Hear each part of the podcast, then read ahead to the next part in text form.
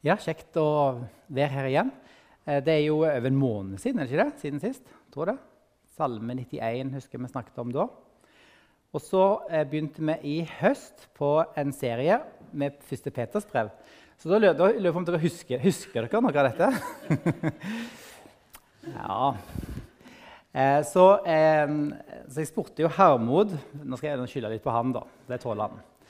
Så liksom, ja, hva skal jeg tale om da disse, da, etter påske, liksom? Ja, du, jo, du, jo, du er jo midt i første Peters brev. så, eh, så, jeg tenker at det er jo litt lenge siden da, har snakka om første Peters brev. Men samtidig så syns jeg at det, nei, eh, jeg, jeg, har lyst til å fortsette litt i første Peters brev. Og så ser jeg på kalenderen, det blir siste gang jeg taler i, i vår, tror jeg. Så da, eh, da blir det videre i høst. Nei da. Nei, jeg, tror vi, jeg har lyst til å runde av første Peters brev i dag med dere. Men eh, eh, jeg syns det er litt eh, Det er et fint budskap med et veldig vanskelig tekst. Noen kan si at det var fint, fint med korona. Kunne jeg stoppe med der, for dette, det kan noen mene er den vanskeligste teksten kanskje Nytestamentet vi skal komme til. Eh, jeg vet ikke om jeg er enig i det, for det er andre tekster jeg strever mer med. Men eh, i hvert fall har vi den der. Og eh, jeg vet ikke om dere husker hva 1. Peters brev har handla om så langt. men jeg skal gi kjapt resymé. 1. Peters brev skrevet av Peter til kristne i Lille Asia, altså i Tyrkia, kan vi si. Eh, kanskje litt nord i Tyrkia, mener noe, men eh, litt lenger nord enn der Paulus virka. Men det er litt sånn, det står lista opp eh, disse her, de, de områdene der de kommer fra. da. Si Tyrkia. Eh, og så er det greia at de kristne i Lille-Asia eller som Peter skriver til, de hadde det ikke greit. De, når de ble kristne, så møtte de forfølgelse. Eh, på det tidspunktet Peter skriver, så var ikke de store, systematiske forfølgelsene av de kristne starta ennå.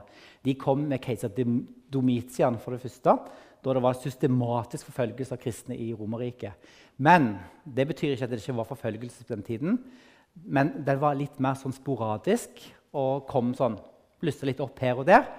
Og vi vet òg at de første kristne, når de da eh, ble troende, så fikk de store problemer, for nå kunne de ikke lenger være med på f.eks. alle disse eh, templene som de hadde for de ulike gudene rundt omkring. Og Særlig i Lille-Asia-området så var de veldig viktig. Det var, de var veldig religiøse og, og tok dette seriøst. Og Det er det området som Peter skriver til, der keiserdyrkelsen først fikk sitt virkelige fotfeste. Da keiseren var herre og Guds sønn osv. Så, videre. så plutselig så kanskje de dukker opp der. Og da vet du, da, ja, ja, Dere vil ikke være med der, men det betyr trøbbel for, for landsbyen vår. hvis dere ikke er med. Så enten blir dere med, eller så får dere med oss å gjøre. Sånn var det for mange. Og om de ikke fikk juling alle, så var de kanskje de mista jobben sin, mista forbindelser, og de hadde det ikke greit. Så det var det. Og hva er det Peter forkynner til de som har det fælt? Eh, er det sånn Ti tips om hvordan skaffe mat i en vanskelig situasjon? Nei, han forkynner evangeliet. Det har kosta dem mye, men de har vunnet så mye, mye, mye, mye, mye, mye mer. Så det var en kjapt resymé av det vi har hatt så langt. Og så Sist gang vi hadde det, da var det Rolf Kjøde var her. og Han eh, talte om, eh, han, han, kom inn i den formanende delen til Peter, der det handler om livet i verden. Og Da var det til, til, til ektefeller og til på arbeidsplassen osv. Det var litt sånn. Og så, når vi kommer til dagens tekst, så begynner Peter han, han begynner sånn, han. Til slutt et ord til dere alle. Så nå har han liksom før det talt til disse gruppene. Så, til dere alle. Eller egentlig står det på gresk der, da. Til hver og en av dere. Altså, det er jo det samme til alle, da. Ha samme sinn. Vis medfølelse og søskenkjærlighet. Hjertelag og ydmykhet. Gjengjeld ikke ondt med ondt eller hån med hån. Nei, velsign heller. For dere er kalt til å erve velsignelse. Hæ? Sa han virkelig det? Hør, de har opplevd motgang, de har mista jobben. Hva er det Peter sier til dem? Ikke gjengjeld ondt med ondt. Velsign heller. Lev Kristuslivet, er det han sier. Og Han nevner altså fire ting. og egentlig er det litt rart, for det står På grunnteksten står det, står det egentlig bare sånn. Til hver og en. Og så bare sier han fem ord. Han bare lister fem greske ord etter. Og de betyr av én tanke. Altså vi, vi må ha én tanke, vi må være samstemt. Evangeliet er det som binder sammen. Hver av én tanke. Medfølelse. Søskenkjærlighet. Hjertelag og vennlighet. Eller det som de har oversatt i norske bibel for ydmykhet. Det er det som skal karakterisere oss. Vi skal være samstemt i troen. Vi skal ha søskenkjærlighet, vise medfølelse, eh, ha hjertelag med hverandre. Og dette skriver han altså til den lidende menighet. Og da kan du spørre deg selv På en vakker søndag her på Horneland, solen skinner ute, det er tosifra grader på gradestokken, tror jeg. Føles som 25, men det er bare fordi jeg er vant med fem. men eh, er dette relevant for oss i dag? Er det det? Altså, Er brevet til Peter relevant for oss i dag? Selvfølgelig at vi skal vise disse tegnene her. Men jeg vil bare ta dere en liten med, en liten tur rundt omkring. Vi vet at eh, forfølgelse er ikke noe som bare skjedde i antikkens verden. Det skjer her og nå. I det øyeblikk vi sitter her, så sitter det mange kristne i fengsel. Nå. Kirka ble brent. I Egypt de sliter. De er under konstant press hele veien.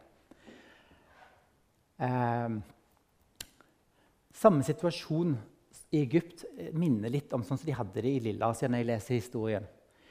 Paul, eh, Peter han skrev til dem mine kjære, altså I kapittel 4 så skrev han mine kjære, vær ikke forundret over den ildprøve dere må igjennom, som om det hendte dere noe uventet. Det, det kommer til å være forfølgelse. Gled dere jo mer dere får del i Kristi lidelse, så dere kan juble av glede når Han åpenbarer seg i sin herlighet. Husk to meter avstand. Salig er dere når dere blir spottet for Kristi navns skyld, for Guds ånd, herlighetsånd, hviler over dere. Så de hadde altså motgang. Og som jeg sier, at dette er altså ikke noe som bare gjaldt for eh, 2000 år siden. Dette er ferske nyheter. 13. april kom denne nyheten om eh, to eh, jeg tror det er sykepleiere eh, som eh, holdt på å rydde. Det er fra Pakistan. Holdt på å rydde og ordne i et rom. Og så, og så de skulle male noe sånt. Og så var det noen klistermerker med noen sitater fra Koranen som de skrapte vekk, for de skulle jo ja, puste opp. Nei, jammen de der kristne skraper vekk sitaten fra Koranen. Og nå, i det øyeblikk, så er de altså i fengsel pga. dette. Anklaga for sin tro. Miriam Lal og Navish Aroy, eller hvordan det uttales, de sitter altså nå fanga pga. sin tro. Dette er i dag. Egypt har jeg allerede nevnt. Hun har konstant prest i kirken der. Eh, her har dere World Watch News. De har et sånt fint kart. jeg vet ikke om jeg vil kalle det for fint, men Det viser liksom hvordan tilstanden er i verden eh, i dag. Og hvis dere går inn der, så ser dere at det er litt sånn farger som viser hvor ille det er. Og Da ser dere at eh, Tyrkia sliter folk i dag. Eh, India, Nord-Korea, Egypt ja, Dere ser landene der. Så det er mange som blir forfulgt ordentlig eh, i verden den dag i dag. Det er ikke noe som bare gjelder antikkens verden. Her er det en annen fersk nyhet. Hvordan kristne opplever det. Fader Aho han eh, sitter nå i fengsel. Hvorfor det? Jo, Han er anklaget for han har hjulpet terrorister. Hva gjorde Han Han ga mat til noen. Da kom noen og banket på døra, de var sultne. De var kurdere. Ja, Så ga han dem mat. Og nå, han, nå har tyrkiske myndigheter anklaget for å hjelpe terrorister. Men han gjorde bare en menneskelig handling å hjelpe andre mennesker i nød. Dette er i dag. Hva med Norge, da? Ja, Foreløpig har vi ikke kommet dit at vi havner i fengsel for troen vår. Men du skal ikke være overraska at det kan bli hardere for oss òg. Allerede nå, dette fra, dagen og i helga, så er det sånn at det er kristne, hvis det går fram av CV-en at du er kristen, så, er det, så minker sannsynligheten for å få jobb. Så eh, vær ikke forundra over at vi kan møte motstand, vi òg. Vi har det så godt i Norge i dag, og vi skal takke Gud for det. Men vi er ikke trygge. Og spørsmålet er hvordan reagerer vi den dagen der det koster oss mye. Og jeg tror at de som tåler motgangen, som virkelig står i det, og som om det koster de livet, så, de, så får det heller være. Det som kjennetegner de, det er at de er grunnfesta i evangeliet. De har sin skatt i himmelen. Det er Gud som er fokuset. De lever i håpet. Og denne verden som vi er i, de, det er ikke det som betyr noe. Så til disse kristne i Lilleasia, som da opplevde forfølgelse, så skriver altså Peter om at de skal ha samme sinnelag, medfølelse, søskenkjærlighet, hjertelag og være ydmyke eller vennlige. Og at de skal ikke gjengjelde ondt med ondt. Og Det gjelder altså forfølgerne òg. Jesus sa det samme i bergpreken. Hva var det han sa? Om noen slår deg på Var det jeg, høyre? Ja, jeg er litt sånn dårlig på det. der, Høyre eller venstre. Så skal du vende det andre til. Ja. Velsign, ikke forbann. Velsign fiende. Be for dem. De skulle gjøre det gode. Og så siterer Peter salme, salme 34. Det er den, det er den som Miriam Hermod de har vist oss sånn, Det er sånn kor som synger den sangen. ikke det? Ja. Så her, Den salmen er veldig fin. Den er skrevet av eh, David. Og Det er en artig historie. da, fordi at David, sånn ærverdig konge det var når, han, når, Saul var ute og jakta på David, for å si det sånt, han ville ta han, så rømte han av gårde. og Så kom han da til filisterland, eh, da til kong Akish i Gat. Og, og, og, ja, og så sier de 'Oi, David er her.' Ja, å, Var det ikke han de sang om? Saul tok 1000, eller filistere drepte 1000, men David tok 10 000. Hmm. De har jo drept 10 000 av oss. Så hva gjør du med en sånn en, sånn en kar? Men David han lurer hva han gjorde. Han spilte klin gæren. Så han sikla i skjegget står der, og gikk og skrev friste, rissa opp i dørkarmene og, og, og, så helt klin kokos ut. Og så kongen ga ikke bry meg med han han er jo gal, dere ser det. Så slipper han unna. Ja, Det var jo en smarting, han da, David. Men David skriver denne salmen for å gi Gud æren. Gud æren for at han berga han ut av en farlig situasjon. Og så den salmen her som står her, da, Dette er altså det såkalte visdomsdelen av salmen. Der står det altså 'Den som vil elske livet' og se gode dager, må holde tungen borte fra alt som er ondt, og leppene borte fra sikefull tale. Han må vende seg bort fra, onde, fra det onde og gjøre det gode. Søke fred og jage etter den. For Herrens øyne følger de rettferdige, og hans øre lytter til deres bønn. Men Herrens ansikt er vendt mot den som gjør det onde. Så Peter bruker altså denne salmen viser at det, selv om du er i en vanskelig situasjon, gjør det gode, ikke det onde. Gjengjeld ikke ondt med ondt. Gjør det gode. Så er det et løfte om at det, det skal gå bra. Vel, vel. Løfte og løfte. Bra og bra. Vi får se litt på hva vi mener med det.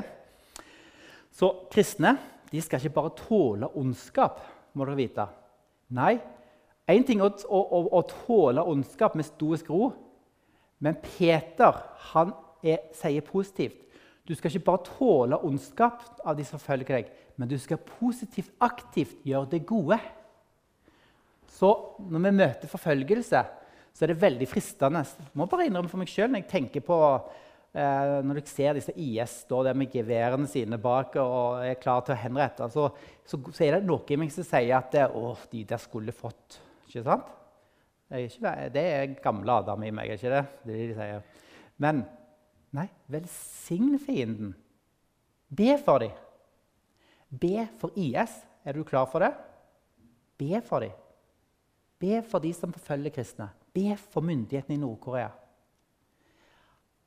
Tenk om de kunne blitt frelst.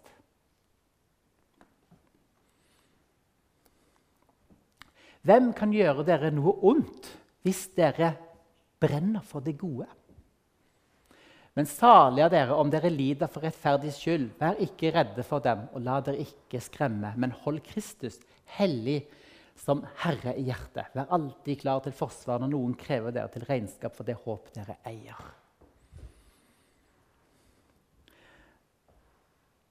Hæ? Skal ingenting ondt skje oss? Det skjer jo ondt med kristne i dag. Jeg har akkurat vist bilder av noen som sitter i fengsel og lider den dag i dag. Og de har, det er ingenting som tyder på at de har gjort noe ondt. Vi må vite det at det, i dag vi er så prega av tankesettet i Vesten med, og Jeg må bare innom for meg gå i meg selv. Hva er virkeligheten? I Vesten i dag så ser vi for oss virkeligheten. Det er det vi kan se, måle og ta på. Den fysiske verden. Det er virkeligheten. Så er spørsmålet er det en åndelig virkelighet. I våre verdensbilder har vi plass til en åndelig virkelighet. Er det onde krefter som ikke bare er mennesker, men noe mer? Bibelen tegner et bilde om at det er andre krefter bak ondskapen enn bare menneskene som gjør det. Vi lever i en åndelig virkelighet. Og når, du leser dette, så må du huske på det. Ja, de kan drepe oss. Men de kan ikke gjøre noe med oss når alt kommer til alt. Vi er trygge. De har ikke makt over oss. Håpet vårt er klart. En dag skal vi stå i himmelen med palmegrener. Er det? Jeg håper det er palmegrener. Jeg håper det er palmer. palmer. Det tror jeg det er. En dag skal vi stå. Vi skal se Jesus. Vi skal være i lag med ham. Dette håpet her, dette står fast. Og hvordan kan vi vite at det står fast? Jo, for vi har nettopp feirt påske. Og i påsken Jo, Jesus ga sitt liv for oss, men ikke bare det. Han sto opp igjen fra de døde. Håpet vårt er fast. Oppstandelsen viste det. Og Så skal vi altså ikke være redde av den grunn. La dere ikke skremme. Men hva skal vi gjøre? Jo, vi skal holde Kristus hellig som Herre i hjertet. Hva betyr det? Å, holde noe hellig det betyr å innvie det som noe spesielt. Og at vi skal hellige Kristus som Herre i hjertet, det betyr at det er den innerste delen av oss. Altså, det skal gjennomsyre oss at Jesus er vår Herre. Det er han som bestemmer, ikke oss. En av de første kristne bekjennelsene er det mange teologer som mener, det er denne. Jesus er Herre. Jesus er Herre i våre liv. Det er han som.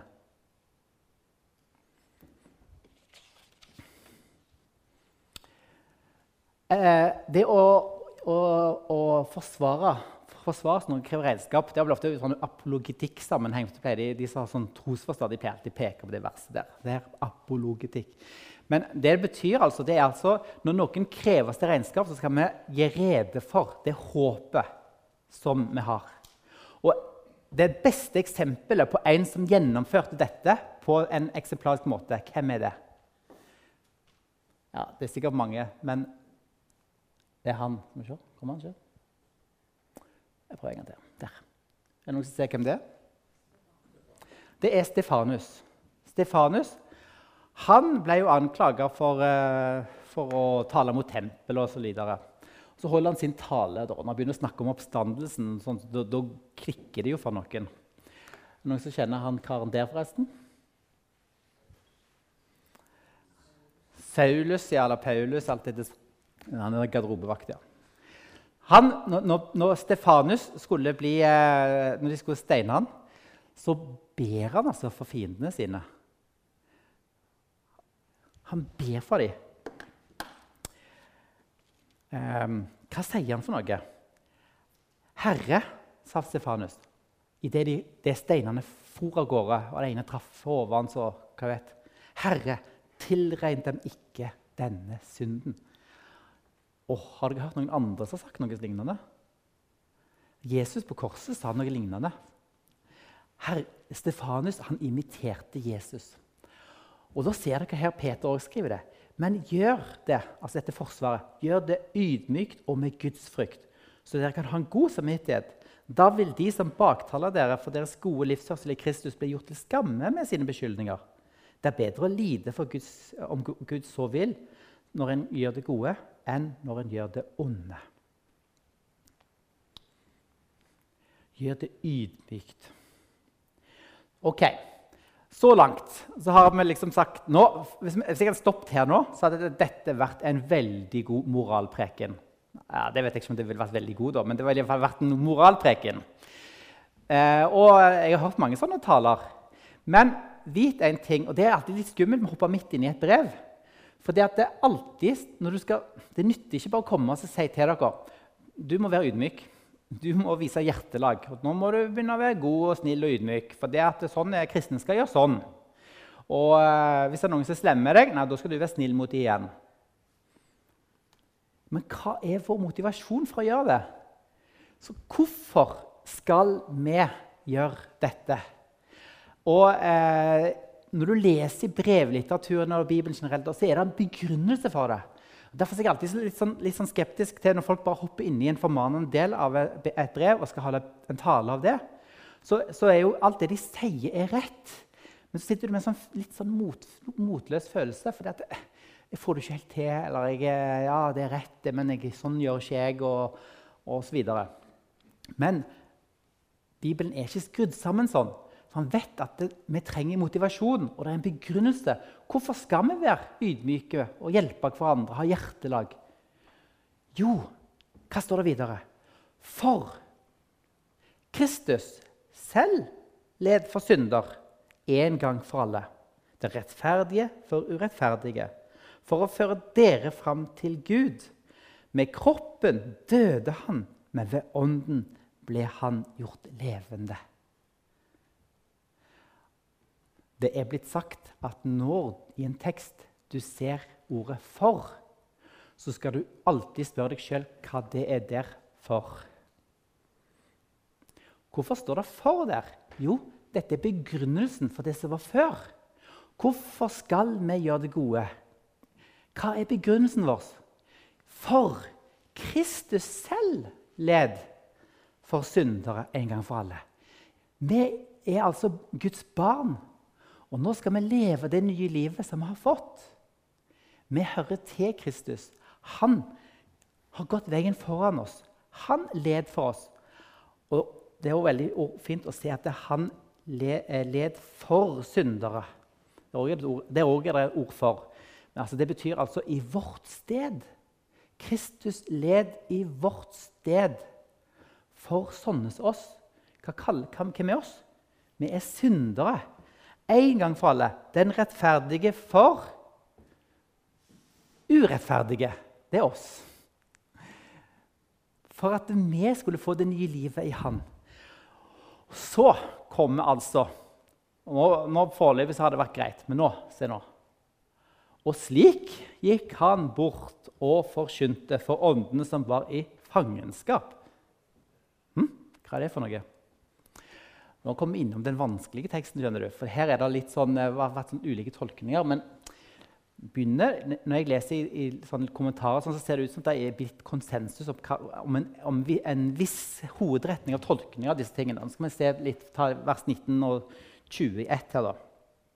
Der står det Og slik gikk han bort og forkynte for åndene som var i fangenskap. De hadde vært ulydige i Noas dager, den gang Gud ventet tålmodig mens arken ble bygd. Er ikke litt rart? Ja, Dere skal være gode og snille med hverandre. Kristus led og død for oss. Og så, gikk, og så plutselig begynner han å snakke om at han gikk bort og forkynte for åndene, de som var ulydige i Noas dager. Hva er dette for noe? Hvorfor begynner Peter å, å snakke om dette her?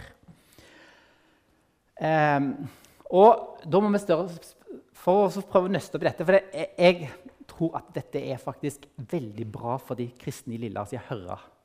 For de, deres måte å tenke på Peter treffer dem med en gang. Det første vi må, spørre oss om, det er hvem forkynte han til? Hvem er disse åndene som var ulydige? Hva forkynte han? Det er det andre spørsmålet. Og når forkynte han? For det står plutselig 'fanger i Noas dag'. Altså de som var ulydige i Noas dager. Så hva tid forkynte han egentlig? Og Her er det flere tolkninger rundt omkring da, som går ut. Men eh, la meg ta det første spørsmålet. Kanskje Peter gir oss svar på det første spørsmålet sjøl. For i 2. Peter kapittel 2, vers 4 og 5, så sier Peter Dette er samme Peter, altså. Han sier For Gud skånte ikke engler som hadde syndet, men styrtet dem ned i avgrunnen, hvor de holdes i varetekt med mørkets lenker til dommen. Heller ikke skånte han den gamle verden. Bare Noah, rettferdighetens talsmann, og sju andre ble beskyttet da Gud førte storflommen over de, ugud, de ugudeliges verden. Ok, Så hvis vi matcher de to i lag, så ser det ut som at de åndene som var i fangenskap, det er altså falne engler. De englene som var ulydige. Ok, Kanskje det gjør oss bitte litt klokere, vet ikke jeg. Men så er det sånn at det et brev som er veldig likt andre Peters brev. Det er Judas brev. Det står jo rett før Johans åpenbaring, det siste brevet vi har i Bibelen før Johans åpenbaring.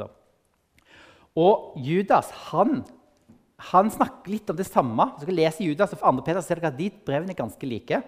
Og Der sier, sier Judas det var også om dem Henok, Adams etterkommer i 20. ledd, profeterte da han sa.: Se, Herren kommer med sine hellige engler i tusentall for å holde dom over alle og kreve hvert menneske til regnskap for alle ugudelige gjerninger de har gjort, og for alle trassige ord de har rettet mot ham, disse gudløse synderne. Hm. Rare greier, dette her. Ok. Det, er altså det ser ut som det er noen falne engler. Og så eh, Det er noe ved Enok her og Noas dager. Eh, noen som vet hva relasjon Enok hadde til Noah?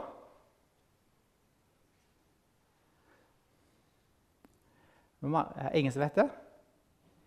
Kristin vet det, men hun vil ikke si det høyt. Ja. Han var altså olderfaren til Noah, Enok. Det står ikke mye om Enok. Han er nevnt i, et, i litt i ettertavler. Og så står det ett vers om, om han i vår bibel. Er det noen som vet hva som står om Enok? Enok vandret med Gud, så var han ikke mer, for Gud tok ham, tok ham til seg. Det er det som står.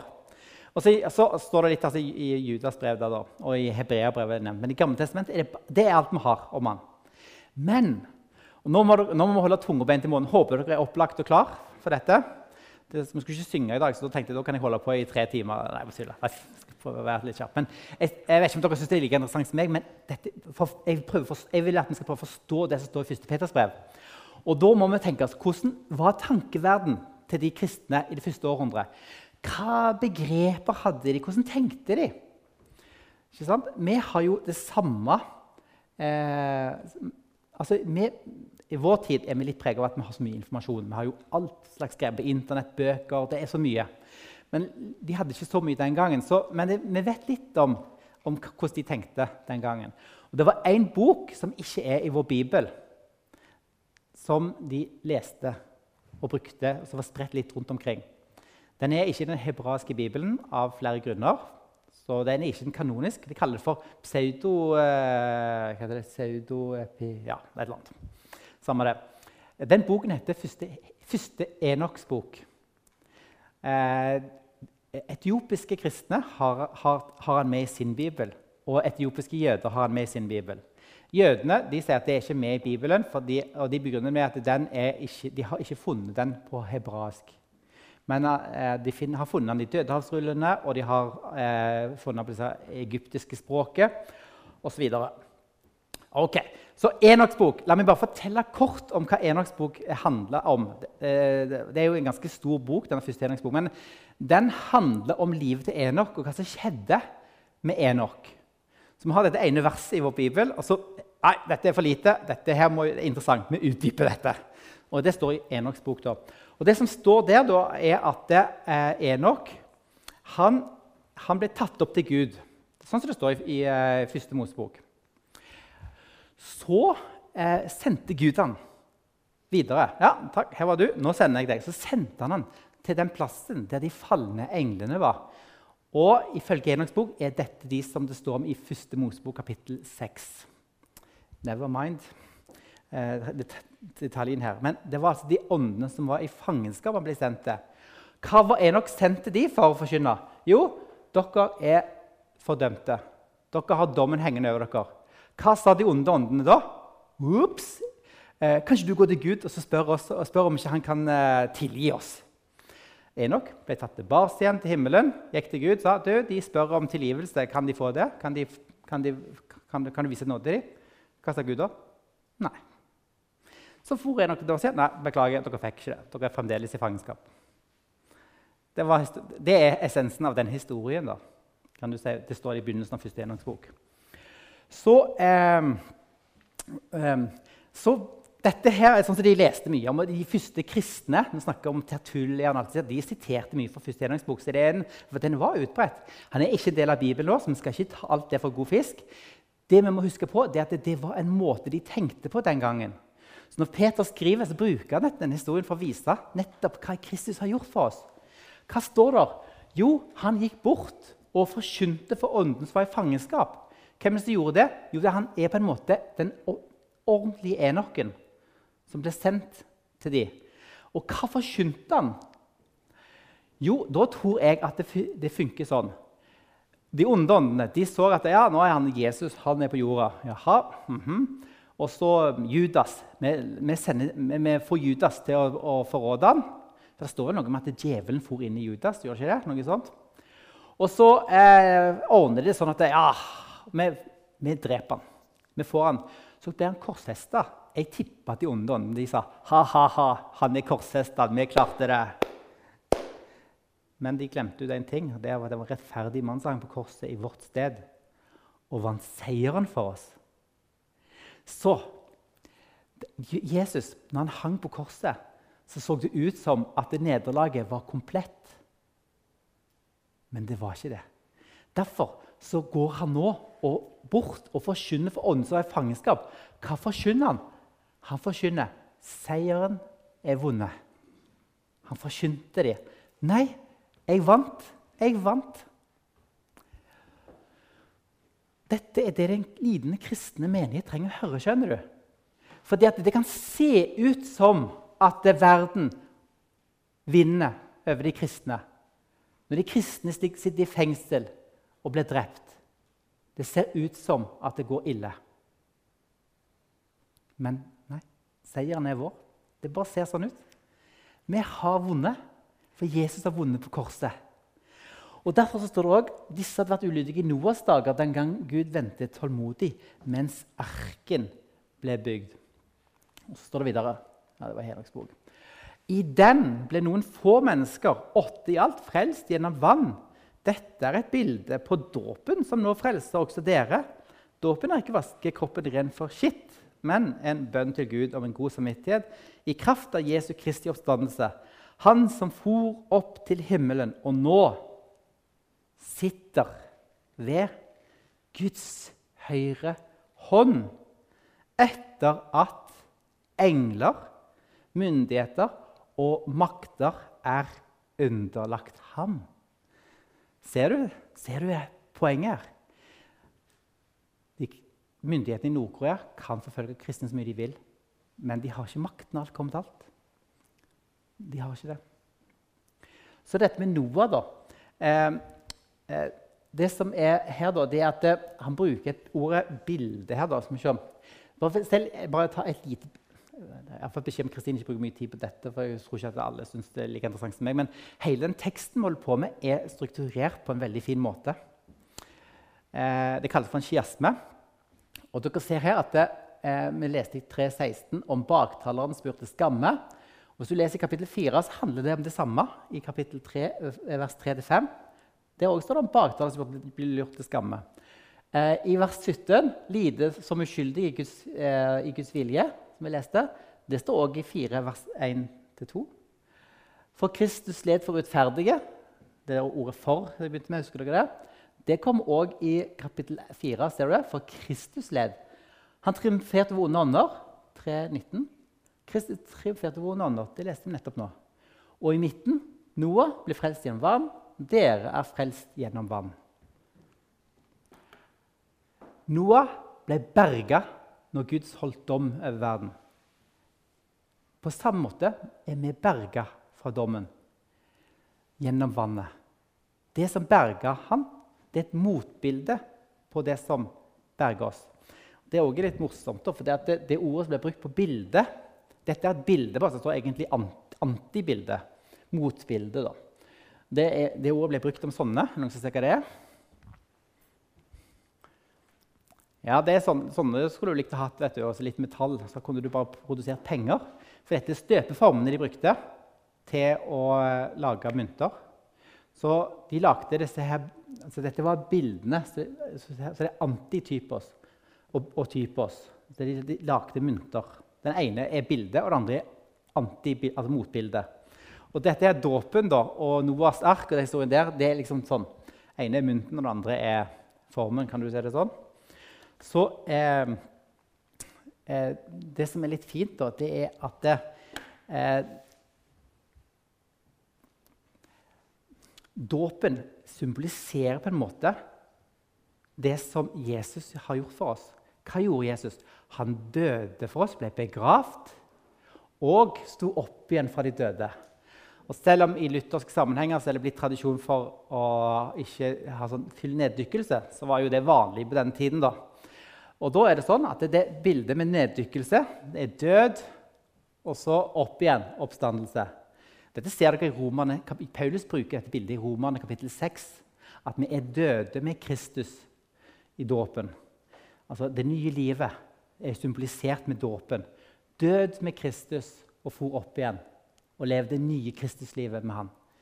Så det, at det å være frelst handler som hører til Jesus og, og, og, leve hans liv. Fordi vi er i Kristus. Han døde i vårt sted. Og så er det sånn at det, det, Når vi snakker om bilde, når det er bilde på noe, så kan det godt være at det, liksom veld, det blir veldig sånn ytre. Derfor så fortsetter han eh, her. da. Dåpen er ikke å vaske kroppen ren for skitt, men en bønn til Gud om en god samvittighet eh, i kraft av Jesu Kristi oppstandelse. Vi henvender oss til Gud, og vi vil leve det nye livet. Ok. Han som for opp til himmelen og nå sitter ved Guds høyre hånd, etter at engler og myndigheter og makter er ham underlagt. Hvorfor? Hvorfor skal vi leve det nye livet? Hvorfor skal vi vise medfølelse, utholdenhet i all slags forfølgelse? Jo, vi hører Kristus det. Han har vunnet seieren for oss. Siden Kristus nå er, har lidd i kroppen, skal dere væpne dere med denne tanken. Den som har lidd i kroppen, har gjort seg ferdig med synden. Derfor skal du ikke lenger leve etter menneskers lyster, men etter Guds vilje den tiden du har igjen å leve i kroppen. Og til slutt det er nok at dere i den tiden som har gått, har levd slik hedningene vil, i utskeielser og lyster, i drikk og festing og fyll og forkastelig avgudsdyrkelse. Nå undrer de seg fordi dere ikke lenger løper med dem ut i denne strømmen av utskeielser. De spotter dere, men de skal avlegge regnskap for ham som står klar til å dømme både levende og døde. Ok. Jeg håper dere ser poenget. Vi lever i en verden som er ganske ond på mange måter. Selv om det er veldig fint ute og sol, og sånn, men det er ondskap i den verden. Det er mennesker som har det ordentlig ille. Og før du vet ordet av det, så er du en av dem. Er du klar? Du kan ikke svare, trenger ikke svare på det spørsmålet, for det er vanskelig å svare på. For er, hvis du spør meg i dag er jeg klar, hadde jeg tålt det, så, ble, så kan jeg bare si at jeg kan bli usikker på det. Men samtidig som jeg er lovt å få kraft av Gud i vanskelige situasjoner. Men jeg tror at Peter skriver brevet ikke bare for å opplyse dem, men for å gjøre dem klar, for å gjøre dem forberedt på det. Sånn at når ting skjer, så skal de forstå at nei, vi er sikre, vi er trygge.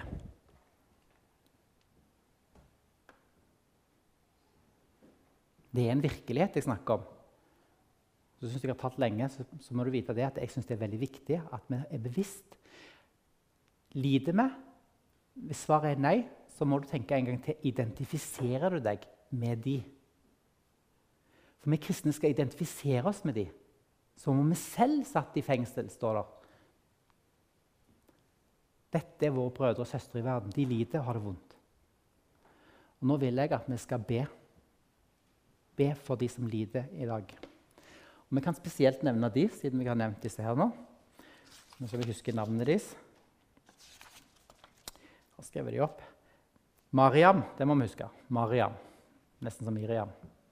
Mariam Lal og Navish Aroy. Men det er jo så mange andre som er der. Gode Gud, takk at du, eh, du elsker så høyt at du ga din sønn Jesus til å dø i vårt sted. Gode Jesus, takk at du er seiersherren. Og takk at en dag skal vi få se deg sånn som du er, når vi skal stå klar framfor deg, Herre, i herligheten. Du ser alle de kristne som lider rundt omkring i dag, i Egypt, og i Tyrkia, Nord-Korea, India Rundt omkring. Herre, hjelp oss så vi kan få et hjerte for dem, at vi kan hjelpe og be for dem. Gi oss en nød for våre søsken, Herre. Og hjelp oss, Herre, til alltid ha evangeliet klart framfor oss. At vi må se etter fra øst til vest det er som mellom naglemarkene dine, Herre. Du som ga ditt liv for oss. Du som lei på korset for oss. Jeg ber spesielt nå her for Mariam og Navisht i den situasjonen de er i. Fader Aho og alle de andre du vet, kjenner de, Herre, at de som lider. Gi de, Herre, glede i ånden, Herre.